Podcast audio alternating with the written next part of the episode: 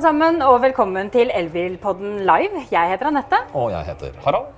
Vi har jo pakket sammen miksebordet og tatt turen til Arendalsuka, Harald. Ja, og vi sitter fortsatt i Volkswagen ID Buss, prototype. Fortsatt på krakk, siden stolen ikke kan trekkes langt nok bak enda. Og vi skal som alltid diskutere alt elbilrelatert, men i dag skal vi begynne med en aldri så liten historietime. Ja. For eh, selv om det i dag ruller 250 000 elbiler på norske veier, så var det ikke det samme i 1989. Da Bellona-sjef Fredrik Hauge importerte en ombygget Fiat. Eh, Men da var han ganske så alene om å se potensialet i den batteridrevne bilen med en teoretisk rekkevidde på 45 km. Fredrik, fortell litt, hvorfor så du potensialet i elbilen allerede i 1989? Ja, Dette handler jo om egentlig at to pluss to er fire.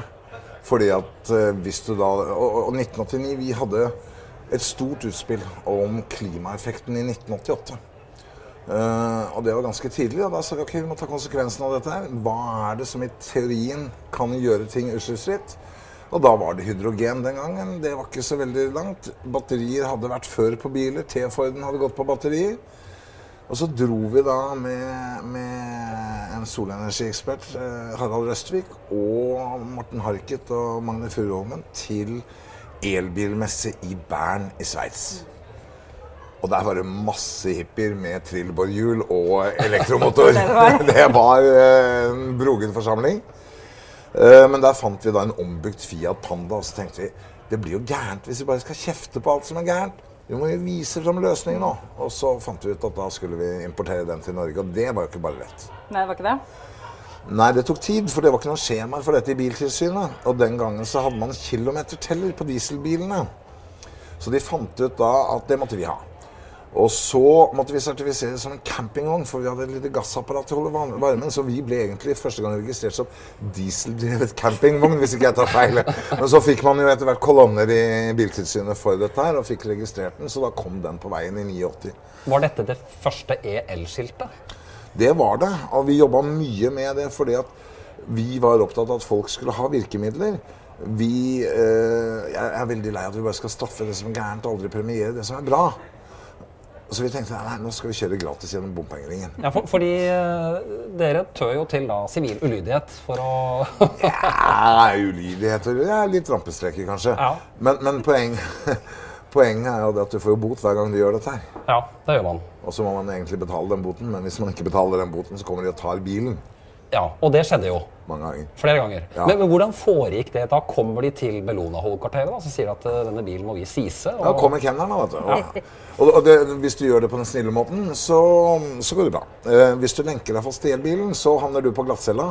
Men du rekker opp til Oslo, Oslo Bilauksjon før, før de selger bilen, så får du kjøpt den tilbake. Og det var ikke så mange andre som hadde lyst til å kjøpe den bilen tilbake, så det var omtrent det samme som å betale da vi ofte fikk kjøpt den tilbake for. da.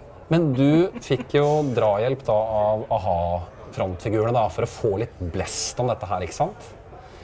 Og så har reisen jo vært ufattelig. Men, men hvorfor ta den biten fra, fra du da fikk blest om dette, bilen fikk skilter, og hvordan, hvordan var veien videre da? Når kom neste elbil, for å spørre enkelt? Ja, Hvordan veien var videre, det var jo punktering med hver trikkeskinne med de blybatteriene om bord. Men, eh, Tunge blybatterier, ja. men, men, men samtidig så Ja, ja, det var jo ikke, det var en helt annen teknologi. Så det er klart at så fikk man Tink i Norge, og det, det var jo en morsom historie. Det gikk ikke så bra. Men det gjorde jo at det ble etter hvert litt lettere også å få aksept for de politiske virkemidlene. Men, men vi fikk jo på en måte til da eh, rammevilkårene etter hvert. Eh, gratis passering i kollektivfelt, ikke bompenger. Gratis lading, gratis parkering, ikke moms. Og det er jo kult å se når det triller 250 000 biler nå, så blir jeg litt godt humør hver gang jeg ser en elbil. tenker jeg det nytter. Men det tok tid. Hva har vært det vanskeligste politisk å få til i dette her? Fra du da importerte et, eh, en ganske merkelig kjøretøy fra Sveits, og til det vi sitter med nå. Nei, det, det, ikke sant? Alt dette blir jo på en måte hippieprosjekter egentlig fram til vi viser fram den første Tesla Roadsteren i Norge i 2009. Jeg var og besøkte de tidlig i 2008 og traff, traff Musk den gangen. Og det var den dagen de hadde de ti første Roadsterne ferdige. Det var 70 ansatte. Og amerikanerne liker jo at jeg har staying power, så jeg ble på en måte hørt på siden vi hadde holdt på med elbil siden 88. Det satte oss litt i respekt. Og så sa jeg jeg skal bare ha den første som du får til Europa. den der der, Og det er også sånn du må gjøre med amerikanerne. Du må vise at du er real deal. Ja. Uh, og det, det gikk jo ganske bra. det. Vi skulle ha en stor konferanse. Det var vel egentlig litt komplisert, for han stakkars polske lastebilsjåføren han hadde ikke helt skjønt hva han kjørte over på tollen. Og det gjorde ikke tollerne heller, så han hadde havnet i glattcella da, på forsøk av smugling av sportsbil. Eh, og det var litt krise, for bilen ble også tatt. Eh, og vi hadde jo Gro, og vi hadde 17 tidligere statsledere skulle vise fram dette her. Så vi fikk ut bilen, men ikke polakken. han kommer litt senere, da. Eh, og han ble ikke tiltalt for elbil. Så det var i 2009. Og, og det er klart at da skjedde det noe. Da så, da så vanlige folk at oi, denne teknologien her, den begynner å komme. Og, og det var jo mye morsomt. Jeg husker Tommy Sheriff hadde kjøpt seg kjempe-Porsche. Ja, Dekk, dekkforhandleren Tommy Sharif i Ja, ikke sant? Og så lurte jo VG-en da til å spørre om han turte å konkurrere med elbil. Og så dro vi opp på Gardermoen der. Og første gangen så var det noe, mente han det var noe trøbbel med giret. Andre gangen fikk ikke VG oss i samme bilde. Og tredje gangen spurte jeg han om det var noe feil med dekka, men da dro han. Det er en helt utrolig historie du har her, Fredrik. Og nå skriver vi jo 2019. 250 000 elbiler på norske veier. Eh, halvparten av nybilsalget er rene elbiler. Hadde du, eh, har det gått fort nok? Har det gått for sakte? Og hvor er vi egentlig? Hvor er vi nå i dette her? Og da er vi litt tilbake til det du spurte om. Hva har vært det vanskeligste? Og jeg tror det vanskeligste står foran oss. Fordi vi har en, fått en diskusjon om at dette er en form for subsidie. Og så glemmer vi samfunnet at hver fossilbil tilsvarer helseskade for nesten 20 000 kroner i året. Altså 340 000 kroner i løpet av bilens levetid. Og den manglende forståelsen, den måten man nå rygger litt tilbake, man legger skylda på bompengene for elbil osv., det blir den vanskeligste oppgaven. For politikerne er ganske feige når det kommer til stykket. Og, så er det blitt selve definisjonen av petroholikere. Nå er de avhengig av CO2-avgiftene for å få ting til å gå rundt fordi de ikke har vært så smarte. Så nå har vi en ekstremt viktig kamp på å beholde fordelene for elbil. For vi er ikke ferdig. 250 000 er kult, men vi er ikke i mål i det hele tatt. Og utskiftningstaktene er jo for sakte fortsatt. Ja, du mener at det går for sakte? Ja, ja, men det er min jobb å mene det. Men det er ikke bare min jobb. Det er altså når du setter deg ned og lager matematikken. Så er det klart at når man nå ikke får fritak i bompengene, man ikke har de samme fordelene Jeg er ikke sikker på om denne akselerasjonen går så fort. Så vil det gå tre-fire år, så vil det bli billigere å produsere elbil. Det vil bli billigere å bruke elbil, og da kommer det til å skje ordentlig. Men et annet aspekt i dette her, og noe av det som er eh, et veldig hett tema, er jo hvor miljøvennlig elbilen egentlig er. Eh, Den har jo null utslipp lokalt, men hvis man ser på det totale miljøregnskapet, så er det jo mye debatt rundt hvor miljøvennlig den egentlig er. Eh, Har dere gjort noen beregninger på dette, på dette selv? Ja, og det er to ting som vi må se på her. Det ene er jo på en måte strømmen, altså hvor kommer strømmen fra? Det andre er jo miljøregnskapet på produksjonen av både bil og batterier. Og det er ikke bare vi som har sett på det. Men, men for meg så er det sånn Ja, men folk sier det, det går jo på kullkraft. Ja, greit det. Men vi må se hva er løsningen. Pass på å ikke lage blindvei.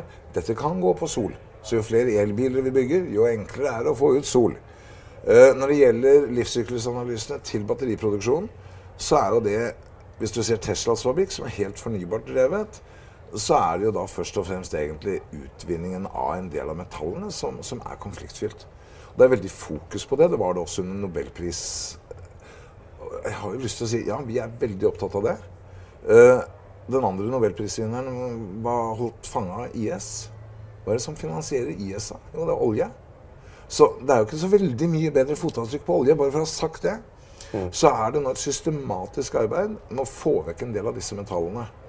Og vi har også engasjert oss veldig mye i det eh, ved at vi nå også har etablert et eget batteriselskap med, med, med noen investorer. Og mener nå at vi har kommet veldig langt med å lage batterier, neste generasjons batterier, som ikke trenger verken kobolt, kadmium eller nikkel. Og det, det blir den neste batterirevolusjonen, og det tenkte jeg at vi skulle gjøre i Norge. da. Veldig spennende. Men fra hippiene på messa du var på, eh, til da noen amerikanere med, som lager elbil, og eh, bilprodusentene i dag. Er de for, har de vært for sidrumpa? Har de lukket øynene for teknologien? Det er alltid lett å sitte være etterpåklok, men det er ingen tvil om at det Tesla gjorde, det utfordret hele bilindustrien. Og så syns jeg vi skal være litt stolte i Norge, fordi vi er fem millioner mennesker. Men vi sto i lang periode for over 10-15% av det totale salget. Og så sitter vi og er litt lei oss av en subsidiert elbil. Fy fader, vi burde være stolte over den rollen vi har spilt. Ja, eh, resten av bilindustrien har vært trege, men de har store investeringer i eksisterende produksjonsteknologi osv. Det blir andre mekanismer. Og så må vi også lære oss, og det tror jeg blir veldig, veldig viktig, fordi informasjonsdelingen i dag muliggjør på en helt annen måte unge mennesker å være innovative, starte opp nye ting. Det er ikke sikkert at framtidens løsninger kommer fra de store selskapene. Det kan komme en veldig stor revolusjon fra mindre selskaper, små selskaper, med ungdom som jeg mener, Skulle jeg jobbet med batterier for ti år siden og lært meg det jeg har gjort nå, skulle jeg reist rundt i tre-fire måneder med team på alle fabrikker, alle konferanser. Nå kan du sette deg ned og få utrolig mye informasjon via internett. Og, og dette gjør jo at denne utviklingen kommer til å bli helt annerledes. Og jeg tror Tesla blir eksempelet på det i mange mange år framover på hvordan det skjer. Ditt korte, veldig korte budskap til politikerne som er her på Arendalsuka. Du har vært på masse debatter eh, når det gjelder elbil og, og fordeler. Regne inn helsekostnadene av fossilbilene og slutt å snakke om subsidier. Det er eh, det er ikke noen annen måte å løse dette på enn å få dette til å bli elektrisk. Kanskje det blir hydrogen. Jeg har ikke så stor tro på det på privatbilen. Jeg tror det blir, blir batteri. Og ikke gi unna på virkemidlene. Vi kommer til å trenge de i en lang stund framover. Så Fredrik, avslutningsvis. Et nybilsalg i 2025 kun bestående av nullutslippsbiler. Er det realistisk? Ja, ja. Ja. Ja, ja. Og, og, og så, så, er det sånn at vi må alle regne med noen enkelte endringer pga. klimaeffekten. Og hvis det er sånn at du må stoppe å lade i 25 minutter for hver 600 km du kjører, så finner folk seg i det, og det er ikke det store offeret i klimakampen. Veldig bra. Vi må ta oss runde av der. Veldig hyggelig å bli invitert. Veldig spennende å få høre litt hvordan eh, hele dette eventyret startet. Når vi nå sitter i Ja. denne veldig futuristiske Det er noe annet enn en Fiat fra 80-tallet. Ombygd. Det er en veldig kul bil, og det er et eksempel på at dette her blir en kul framtid. At miljøvern, det er ikke steinalderen, det er framtiden, ikke sant.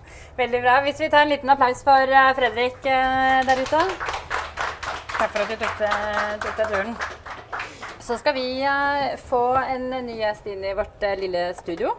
Eh, neste gjest har vel egentlig brukt de siste tre dagene på å svare på to spørsmål. Eh, er det strøm nok til å lade 1,2 millioner elbiler i 2025?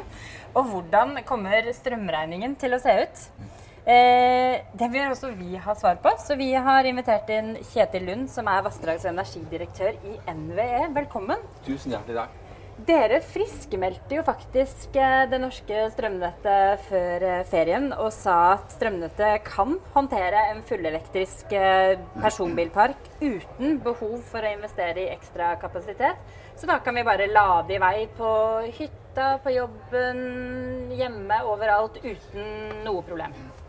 Ja, altså, det grunnleggende, grunnleggende sett så har vi et veldig eh, godt strømnett, godt kraftnett i Norge. Vi er eh, veldig godt rusta til å klare den eh, omstillingen, den elektrifiseringen av samfunnet, eh, av transportsektoren og andre eh, områder, eh, som står foran oss, og som det er en klar politiske mål om å gjennomføre.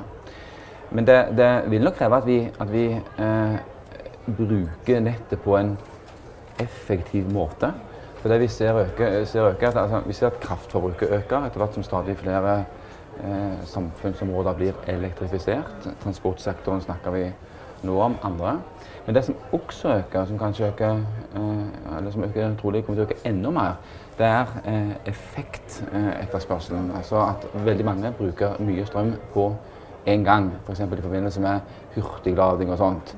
Så der kan det komme noen utfordringer. Eh, eh, vi skal klare det òg, men, men det vil nok kreve at vi si, innretter oss fornuftig. At vi bruker nettet vårt på en fornuftig måte. Og det handler om å fordele eh, bruket utover døgnet, utover året. Utover, eller utover døgnet, utover ti, uh, uka. Eh, Ikke alt. Man skal ikke drive og dusje midt på natta og koke kaffe midt på natta. og sånt.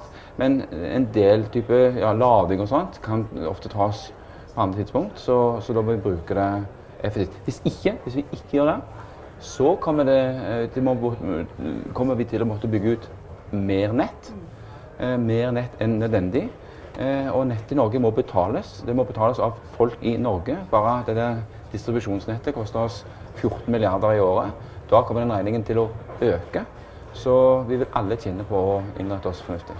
Men, men, men her er det blant uh, på Den enkle forståelsen blant folk flest er Ja. at er det strøm nok i Norge til å lade elbiler om alle skulle ha elbil? Ja, ja. Altså, svar, altså det, strø, eh, strømmen fins. Ja. ja. Så strømmen er ikke noe problem. Vi har et eh, kraftoverskudd i Norge, og vi har eh, eh, stort potensial for å bygge ut mer kraft om det så skulle være. Så, og, så krafta uh, fins, og nettet fins òg. Så det eneste utfordringen vår er at vi kan få eh, noen problemer med ja, effekt. Altså at veldig mange bruker veldig mye strøm på en gang. Eh, så der må vi, det skal vi også klare å håndtere. Altså Også det er håndterbart. Eh, men, men det må vi liksom tenke på framover, at vi eh, innretter oss fornuftig. Eh, eh, så skal vi klare også det. Men dere har jo da innført et forslag eh, Dette ble jo lagt frem i fjor. eh, Ja. Et ønske om en effekttariff. Altså en, eh, en rushtidsprising av, eh, av strøm, rett og slett. For å, eh, å få folk til å heller legge lading og, og ja, andre annen bruk til, til Ja. natta.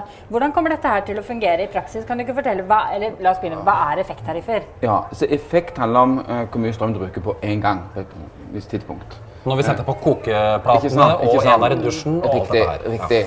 Og det er der eh, som kan bli eh, utfordringer noen ganger. at eh, Etter hvert som eh, samfunnet elektrifiseres, vi får stadig flere hurtigladere som lader stadig hurtigere, eh, så kan vi få noen effektutfordringer. Da eh, er det viktig at vi, der vi kan, fordeler den ladingen eller den bruken av, av kraftsystemet vårt utover døgnet. Eh, utnytte, den felles infrastrukturen som nettet vårt er, på en god måte. Eh, og da kan vi som samfunn spare eh, mye penger, for alternativet til å utnytte det på en god måte, det vi allerede har, er å bygge eh, mer nett, eh, ja, unødig nett. Det vil påføre oss alle høye, eller høyere eh, kostnader. Eh, og I tillegg så er det ofte naturinngrep, eh, noe vi også bør søke å eh, eh, unngå. Effekttariffer handler om å prise eh, at, at en større del av, av, av eh, den nettleien du betaler, handler om, ikke om energi, ikke lenger handle om energibruken, men om når du bruker den, altså eh, hvor mye strøm du tar ut på én gang. Gjør vi det, så, så gir vi ja, insentiver, som det heter så på, på fint, eller motiverer til eh, å fordele eh, bruket utover eh, døgnet. Vi gir også da insentiver til grønn forretningsutvikling. Altså folk som utvikler nye teknologier, nye tjenester som kan gjøre at forbruket fordeles eh, eh, eh, effektivt, forstandig eh, utover, utover døgnet.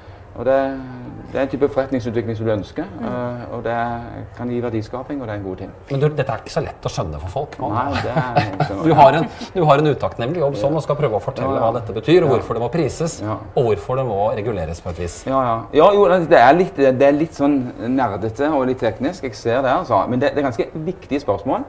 Som jeg sa, eh, bare distribusjonsnettet, altså det siste, den, den, den delen av kraftnettet som går fram til deg, husholdning og det, til sluttbruker. Til sikringsskapet mitt. Ja, riktig. Ja. Koster oss, som vi i Norge, koster, koster oss ca. 14 milliarder, 14-15 milliarder å drifte årlig. Det betales av folk i Norge. Altså Det er 100 eh, si, bompengefinansiert, brukerfinansiert. Det er ikke noen andre som betaler for det. Eh, og Da er det om å gjøre at vi fordeler det på en, den regningen på en måte som gjør at den slipper å eh, At den ikke blir høyere enn den bør bli, eh, enn den behøver bli. Eh, og også at vi eh, utnytter vår felles nettkapasitet på en god måte. Men noe av den, eh, altså Effekttariffen var ganske omdiskutert da den ble lagt frem for første gang i fjor. Jeps. Eh, den har vært de de debattert ganske heftig her nede også. Ja. Og noe av det det går på, er jo at det, det, folk frykter at det kommer til å bli betydelig dyrere. Ja. Eh, dyrere strøm, dyrere nettleie. Eh, som sagt, Hvordan kommer dette til å bli i praksis? Blir det da bare enda dyrere eh, strøm eh, på Nei. dagtid? vi- eller kommer faktisk eh, prisnivået til å forbli ganske likt? Nei, sånn, Om noe så vil dette føre til over tid at regningen blir lavere enn den ellers ville være. For noe av dette handler om å, at vi skal slippe å bygge ut mer nett enn vi behøver. Eh, og gjør vi det, så eller gjør vi ikke det, og istedenfor å løse alt dette med å bygge mer nett, så vil regningen for oss alle gå, eh, eh, gå opp. Så er det riktig at det, er sånn det var et eh, forslag på høring for et par år siden. Der var det en del si, motstand og eh, meninger om. Eh, eh, vi har sagt at vi skal sende et nytt forslag på høring til høsten. Eh, det er mange modeller å gjøre dette på, og, og utforme effekttariffene. Og Der har jeg et åpent sinn til at vi må finne modeller som fungerer godt. Men selve prinsippet om at vi framover må prise effekt, det må koste eh, eh, effekt, eh, det, er, det er viktig, og det er riktig. Og så har jeg et eh, åpent sinn til at det kan gjøres på flere måter. Eh, og, det vi, og det er ordentlig nerdestoff, så det får vi ta etter hvert. Ja. Men um, effekttariff er jo, som du selv var inne på, også eh, viktig for infrastrukturen utenfor huset, hurtigladenettverket. Eh, og effekttariffer er bl.a. det som er tatt opp eh, som det som hindrer etablering av hurtigladere i distriktene. Ja. Hvordan ser dere at dere kan løse den utfordringen der, sånn at vi får den infrastrukturen også i litt mer grisgrendte strøk, eh, sånn at vi kan gå gjennom den omstillingen vi nå har begynt på? Så, så altså, For det første å si at, at jeg tror nok det er andre grunner òg enn effekttariffer som gjør at det ikke er fullt så lukrativt å installere eller bygge ut eh, ladestasjoner i eh, I Finnmark. Ja, ikke sant? Så, så, så jeg tror ikke vi må gjøre det til en samtale om, om bare om effekttariffer. Er- er- Brukergrunnlaget og sånn er mindre og sånt. Men, men det er riktig det du sier, at effekttariffer har blitt eh, eh, løftet fram, også her på Arendalsuka, som, som er en eh, hindring, eller hva skal jeg si, stein i skoen. Og igjen med fare for å eh, nerde denne podkasten veldig til, da. Så for, for på næringslivet så er det sånne effekttariffer i dag. Og i dag er de utformet slik at, eh, at eh, den effekttariffen du betaler, for den er målt på det, det tidspunktet i måneden så du har høyest effektuttak. Du bruker mest strøm. Eh, og hvis du bruker veldig mye strøm over hele måneden, så betyr kanskje ikke det så mye. Men hvis du er da en ladestasjon i et, ja, i et utkantstrøk som ikke blir så mye brukt, og så har du bare liksom, en eller ganske få topper i løpet av måneden, så kan det oppleves urimelig, eller det kan i hvert fall bli dyrere enn det hadde behøvd å gjøre hvis avgiften din skal beregnes for det, det ene punktet, eller de få eh, øyeblikkene, om du vil, eh, du hadde høyt effektuttak. Derfor har jeg sagt at, eh, at vi skal Det er verdt å reflektere over eh, om, om det finnes andre modeller som kan, som kan eh, gjøre noe med, med dette.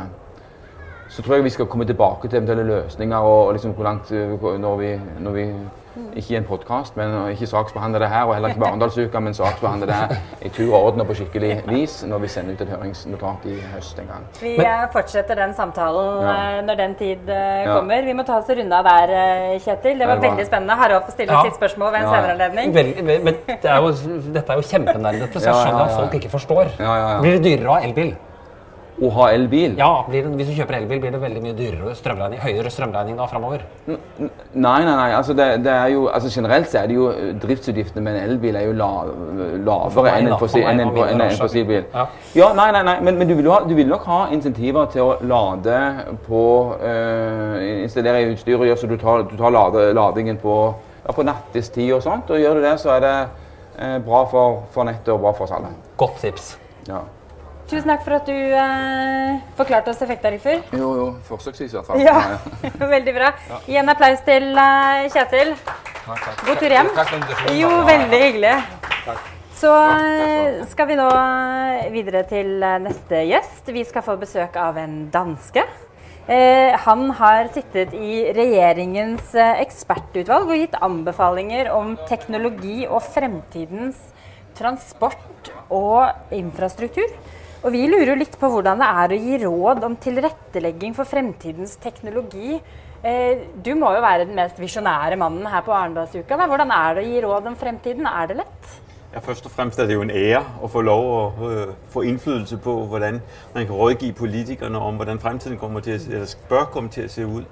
Og ja, så er det også meget vanskelig. Det er jo en slags tåke vi kikker inn. Vi kan ikke se hvordan fremtiden kommer til å se ut.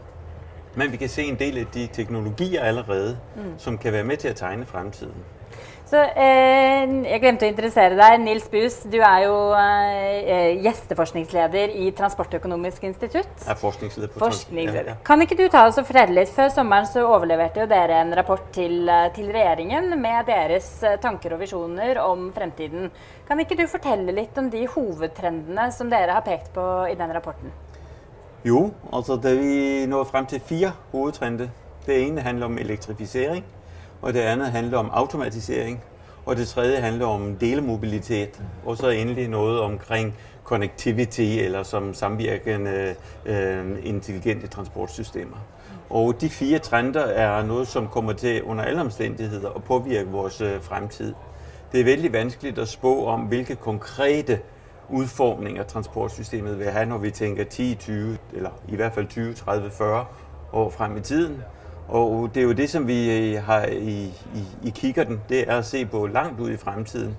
For de investeringsbeslutninger, som politikerne skal tage i de kommende år, det er jo noget infrastruktur, som kommer til at vare måske op til 100 år. Så det vil sige, at selv teknologier, som først kommer om 10, 20 eller 30 år, har stor indflydelse på, hvad det er, vi har brug for øh, og dermed hva vi skal beslutte nå. Mm. Så det er den store utfordringen også for politikerne. Mm. For, for dette å gi råd om fremtidens mobilitet er jo ikke lett. Og i hvert fall med utviklingen som går så fryktelig fort. Ja. Det er jo sånn at dere forskere nesten ikke rekker å legge frem noe før det har kommet en ny teknologi. Ja, jeg tror det vi kan se konturerne av de fleste av de teknologier, som kommer til å komme i spil i de næste 10-20 år. Det, som er utfordringen, det er især det, som vi blir spurgt om hele tiden, det er, hvornår kommer de her teknologier? Og det er det helt store vanskelighet. Og der må man si, der finnes det ikke enkle svar. Der finnes noen av teknologierne, som får begrænset utbredelse til bestemte formål allerede på kort sigt, for eksempel det, som man kalder robotaxier, mm. som er førerløse taxier, som allerede nu kører rundt på forsøgsbase i USA. På et eller andet tidspunkt kommer det til Europa også, og til Oslo, og måske videre ud i landet. Mm. Men hvornår, hvor hurtigt den udvikling går, og ikke mindst, hvornår vi kommer til at se førerløse private biler, det er et meget stort spørgsmål. Nogle mener, vi aldrig kommer til at se førerløse private biler. Ja, for Vi har jo eksempelvis den bussen vi sitter i. Ja. Man ser jo hvordan rattet er utformet. At det skal kunne gå inn i dashbordet eh, ja. og være en førerløs bil. Kanskje snu setene rundt og spille litt kort i baksetet her. Eh, som du sier, at man vet fortsatt ikke helt når faktisk du kan kjøre denne her bussen. Eh, eller du tenker å kjøre den, sitte på i den. Ja. Men, men poenget er at, at det er måske ikke så viktig om det kommer om 20 år, eller om 10 år, eller om 30 år. Fordi de investeringsbeslutninger vi skal ta i dag, jamen de rækker, rækker helt sikkert ud i en fremtid, hvor det sikkert bliver en mulighed for os at køre i den type biler selv. Og det, som vi så er det interessante, det er jo så at sige, hvordan kommer forbrugerne eller brugerne af bilen til at reagere på det. Hvis det er sådan, at vi kan sove i bilen, mens den kører, så spilder vi ikke vores tid, mens vi rejser. Mm. Hvis vi kan spille kort, som du siger, eller hvis vi kan læse, mm. hvis vi kan arbejde, mens vi transporterer os i vores egen bil, og ikke nødvendigvis må tage toget, hvis vi vil gøre noget andet, mens vi rejser. Det kommer til at revolutionere hele vores måde at leve på, på samme måde som internettet og den mobile adgang via mobiltelefonerne gør. Og hvis dette sker om 15 år, så må myndigheter og politikere i dag ta ja, riktige det. avgjørelser det er som er dimensjonert for noe vi ikke vet om. Ja, men noen av de ting, som vi så kunne pege på, det er, jamen det som kommer til å ske, er jo, at bilen blir mer interessant. Den får jo større øh, brugsmuligheder, når det er sådan, at vi ikke behøver at sidde bag rettet, når vi skal køre. Så det vil sige konkurrencefladen, som man kalder det, mellem de forskellige transportformer, der får bilen endda større fordel, end den har i dag.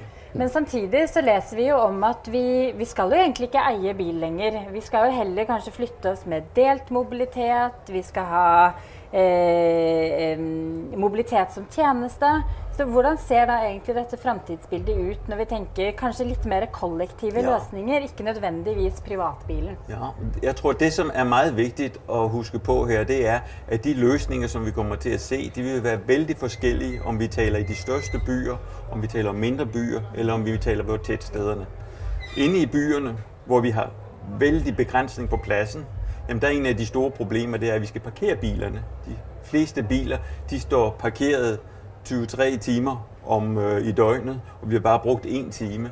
Og det vil sige, at det tager vældig meget plads op, at vi har alle bilerne parkeret. Så inde i byerne er der vældig store fordele ved delt mobilitet.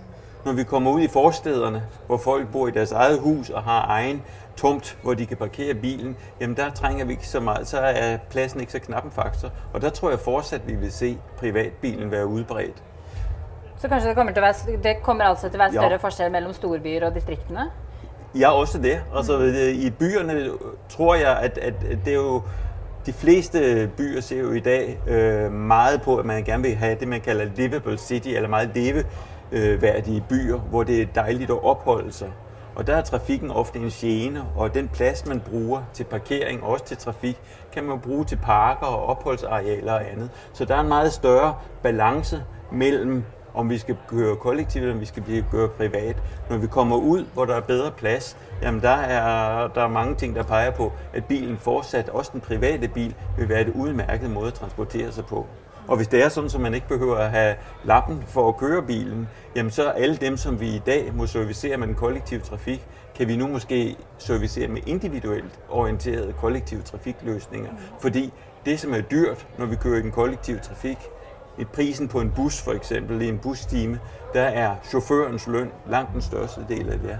Og hvis vi ikke længere trænger en chauffør for at køre busser, så behøver de ikke være så store. Så kan vi have mindre busser, som vi kan servicere også de folk, som ikke øh, synes, de selv vil have bil, eller ikke trænger at have bil. Så det giver nogle helt andre muligheder, også ude, hvor folk ikke bor så tæt, som de gør inde i byerne. Og det er vældig interessant at se, hvordan det kommer til at gå, hvor fort det kommer til å at gå. Fremtidens mobilitet øh, med de tekniske løsningene, infrastrukturen og så, Er det noe annet enn en elektrisk bil som kan løse det? Kan en bensindrevet bil være med i dette med Du snakker om robotaxi. At vi kan, eh, alle de teknologiske løsningene. Når vi snakker elektrisitet, jamen der er det jo først og fremmest, eller elektriske biler, er det jo først og fremmest, fordi det er en helt stor udfordring for transportsektoren og for samfundet i det hele taget. Det er jo klimaudfordringen. Mm. Og den kan fossile biler overhovedet ikke være med til at løse. De krav, der er til reduktioner i CO2-udslippet, også inden for transport, er så store og så vanskelige, så vi kan slet ikke effektivisere de fossile biler nok. Der trænger vi nogle nuludslipsløsninger for stort set al landtransport, for overhovedet at kunne være med. Og der i dag ser det ud som om, at elbilen er den rigtige løsning, i hvert fald for de næste 10-20 år. På sigt kan det være, at der kommer andre løsninger, som er lige så brugbare, men det bliver i hvert fald ikke fossilbiler på sigt. Nej. Så siste spørsmål, eh, Nils. Hva er kanskje noe av de første endringene vi kommer til å føle på de neste, de neste årene, som blir kanskje ganske revolusjonerende? Ja, men vi ser jo allerede nu, og Norge er jo foregangsland på det med, med elbilerne, så det er jo noget af det, som kommer til at, at, at blive de helt store ting. Jeg tror også, at der kommer nogle ting omkring delt mobilitet inde i byerne. Altså det, at folk ikke skal eje deres biler, som du talte om før, men skal dele bilerne gennem delebilsordning osv. Men der er det vigtigt at være opmærksom på, at politikerne spiller en helt central rolle her. I dag er det jo sådan, at det er vældig fordelagtigt, hvis du bor inde i byen og har din egen parkeringsplads. For eksempel at have lov at parkere bilen på offentlig vej. Og øh, hvis vi skal bruge mindre plads til at parkere, jamen, så skal vi måske gøre det lidt tøffere for folk at have egen bil, eller få lov at parkere egen bil på offentlig vej. Så øh, meget afhænger også af, hvad politikerne gør. Og det er jo så der, hvor vi gerne vil, eller har rådgivet politikerne om, hva vi synes, de skal gjøre. Veldig interessant. Det blir spennende å se når vi bare kan sitte på cruise ned til Arendal i denne her. Ja, vi, vi Ja. kunne hatt denne podkasten, spilt inn denne podkasten og kjørt. Ja, Det hadde vært noe. Det hadde vært spennende. Takk for at du tok deg uh, turen til vårt lille studio. ja velbekomme. Så skal vi uh, over til uh, siste gjest, som skal få lov til å summere opp litt Arendalsuka så langt. Eh, det er eh, NAF-sjefen Stig eh, Sjøstad. Og Stig, du har jo hatt to ganske hektiske dager her allerede. Du har diskutert alt fra fremtidige bilavgifter til bompenger, til elbiler, omstilling til et nullutslippssamfunn. Eh, når det gjelder elbilen, hvor er vi egentlig i debatten nå? Ja, Det, altså det, for det første, det er jo et enormt folkeliv i dette arrangementet som har vært der de dagene. Det, men der hvor, hvor elbildebatten er nå det, det første er jo hele bilavgiftsdiskusjonen, som jeg føler preger preger dagene her. Eh, for man begynner å vingle. Staten mister penger eh, og inntekter som følge av eh, veldig stort elbilsalg. Og så begynner man å snakke om å begynne å innføre moms og begynne å gjøre en del ting som ødelegger for rammevilkårene. Og her er vi og NAF for å følge med at vi nå klarer å skape stabilitet, forutsigbarhet og klarer å fortsette denne utskiftingen av bilparken. Eh, og da har vi sagt at vi, vi nå må, må, dagens avgiftssystem må, må, dø ut med fossilbilen. La det være forutsigbarhet. Vi har et mål for 2025 om bare nullutslippsbiler som skal selges. Eh, og så må vi bygge, bygge et nytt avgiftssystem sammen med elbilutrullingen, som er bærekraftig framover, og som er noe annet enn det vi ser i dag. Og som i mye mye større grad retter seg mot bruken av bilen istedenfor kjøpe og eie, som det er i dag. For det er ikke så fryktelig lett å være forbruker og sitte med et kjøretøy du investerte i for to-tre år siden, og, og, og, og, bare føle på alle disse, det de føler som forvirrende signaler. ikke sant? 2025, er det det som gjelder? Ja, ja. Eh, får jeg ikke lov å kjøre bilen min? Men her sier vi altså skrot dagens avgiftssystem med bensin- og dieselbilen. Begynn på nytt igjen. Når teknologien er god og tillater at det, at det, er en pris som er kurant for folk flest. Ja, og Der snakker man da også om å begynne å bruke teknologi vi kjenner i dag, som gjør at du i større grad, også satellittbasert, som gjør at du kan begynne å følge bruken din av bil, og på den måten betale for bruken eh, av bilen, og når du kjører og hvor du kjører, mer enn at du, du betaler en svær sum når du kjøper bilen eh, ny. Så, så det, er liksom, det, er den ene biten. Og så er det den andre biten som vi også følger nøye med på. Det er for elbil, både de som eier i dag og de som vurderer å kjøpe, så er altså infrastruktur på ladesiden det er bare kjempe, kjempeviktig. Og ambisjonen er jo åpenbar knytta til uh, hva politikere ønsker. Uh, vi skal skifte ut drivstoffet på den norske kjøretøyparken. Eh, I dag så gjøres det en kjempejobb av mange kommersielle aktører som putter opp ladestasjoner rundt forbi i Norge. Men, men, men dette, dette, statseierskapet, det å si at dette er et samfunnsoppdrag, og virkelig se på hvordan bygger vi infrastruktur som gjør at det ikke bare er rundt bygrytene, men også langs det ganske land. At man har en infrastruktur på ladesiden som er forutsigbar, lett tilgjengelig, og at du slipper å tenke på hvor er neste plass jeg kan lade bilen. Dette er gjennomtenkt, og der må altså samfunnet mye, med større grad ta et ansvar. Og det har vi vist før. Vi har, vi har vært kjempegode på det i Norge, med et langstrakt land.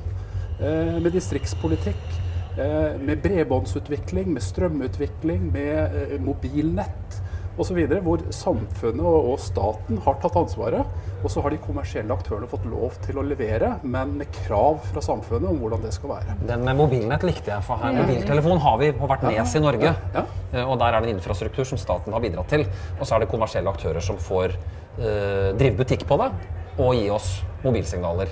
Og her er litt en ladestasjon. Ja, det er samme, samme Og med bredbånd. Altså hvis, hvis, en aktør sier at det er ikke kommersielt interessant å legge bredbånd til Øst-Finnmark, så ligger det krav der som sier at det skal du. Fordi samfunnet skal knyttes sammen. Og, og, den debatten følger vi også med på. At, at politikerne går mye større grad inn der og setter føringen for det og skaper forutsigbarhet. For sjøl, jeg lurer jo sjøl. Eh, det er greit å ha en bil på sentrale Østlandet som går elektrisk, eller hvor den er, men hvis jeg skal virkelig begynne å bevege meg i landet, så er jeg litt mer usikker på hvor godt dette nettet egentlig er utvikla, ut ifra hvilken bil jeg kjører. Så vet du, Hvis vi kan summere opp, eh, og Siste spørsmål, Stig. Eh, hva er avgjørende i årene fremover for at eh, myndighetene skal få med seg forbrukerne på den omstillingen av bilparken som vi nå er på vei, på vei gjennom? Mm. Fram mot 2025-målet. Hva er liksom de avgjørende faktorene? Infrastruktur er en av de? Forutsigbarheten og de økonomiske, kall det insentivene. Altså, forbrukerne har i mange mange år, og det ser vi på hele avgiftspolitikken som har vært kjørt de siste 10-15 årene, at man, forbrukerne tar ansvarlige valg basert på det politikerne sier, og, og, følger det. Og Det må man også gjøre framover. Stimulere folk, komme med gulroten. Så gjør folk ansvarlige valg og er med på skiftet. Eh, mer enn å begynne å kjøre restriksjoner og liksom være sånn styrende på den måten. Tilrettelegg. Folk er da med. Det var en god punchline. Ja, jeg synes det var det. Ja. Og med det så tror jeg vi runder av fra Arendalsuka. Ja. ja, det her, som dere hører i bakgrunnen, det er mye som skjer, mye støy, og det er lydsjekk på et eller annet band i nærheten. Eh, vi kommer nok tilbake i vårt eh, studio om en 14 dagers eh, tid. Du kan abonnere på Elbilpodden, NAF Elbilpodden, på Soundcloud, iTunes og Spotify. Og du kan lese mer om elbil på naf.no, eh, naf.no elbil. Og du kan følge oss på Facebook, der finner du NAF Elbil, og på Instagram. Eh, har du spørsmål, så kan du sende det til elbilkrøllalfa.naf.no. Ikke nøl med å stille oss spørsmål. Eh, vi ses og høres igjen om en eh, 14 dagers tid fra studio i Oslo med nye spennende gjester. Anette. Vi gjør det. Ja. Det gleder vi oss til. Ja, det gjør vi. Takk for nå. Ha det bra. Ha det bra.